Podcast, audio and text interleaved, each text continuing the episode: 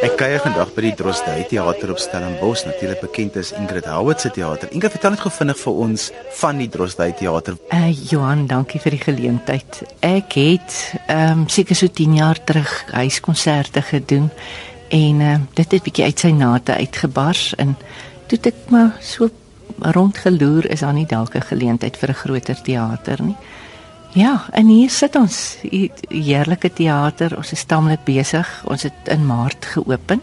Dit gaan regtig vir ons baie wonderlik. Ek dink die kunstenaars ervaar dit ook as heerlik en wonderlik. Ons probeer 'n ruimte skep in 'n ou gebou wat ehm uh, al die kunste akkommodeer en wat so 'n bietjie respek terugbring vir goeie toneel, goeie musiek.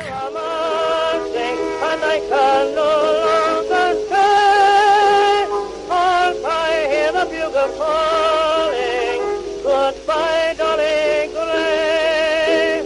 Chris, vertel vir ons van die stuk. Die stuk het al by die Woordfees in 2013 gedebuteer, maar jy's die regisseur. Vertel vir ons van Resonant. Weet jy, resonant dink ek is 'n baie belangrike stuk, veral omdat dit versoening bring. Daar's versoening tussen hierdie twee mense, versoening tussen hierdie twee soldate.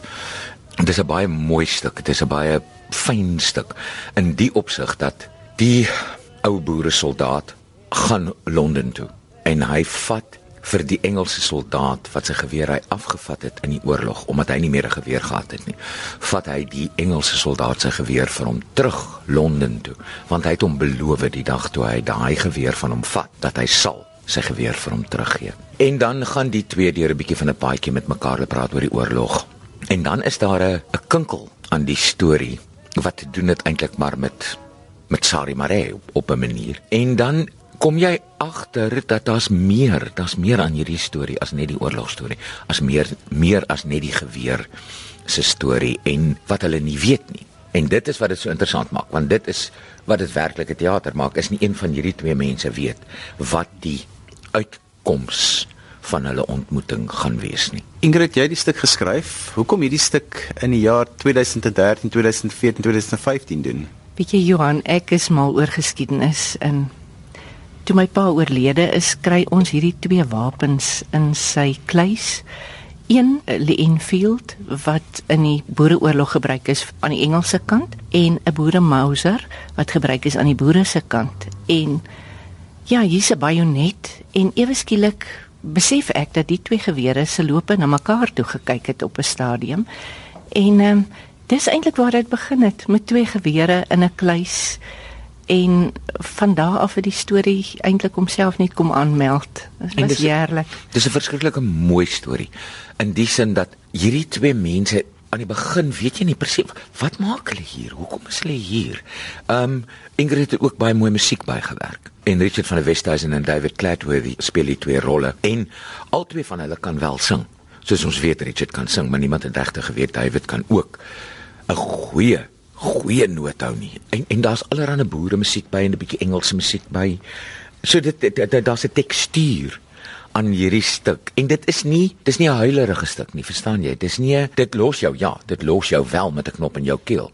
As jy dink dit is wat oorlog aan ons kan doen, dan kom jy agter wat dit aan mense doen, mense se gevoelens teenoor mekaar, die wisselwerking, die trek, die trek van hierdie kant toe, van daai kant toe wat die oorlog gedoen het hier, wat die oorlog gedoen het in die in in in die Bloemfontein se uh uh konsentrasiekamp, want dit is waar die Engelsman toe opgeëindig het.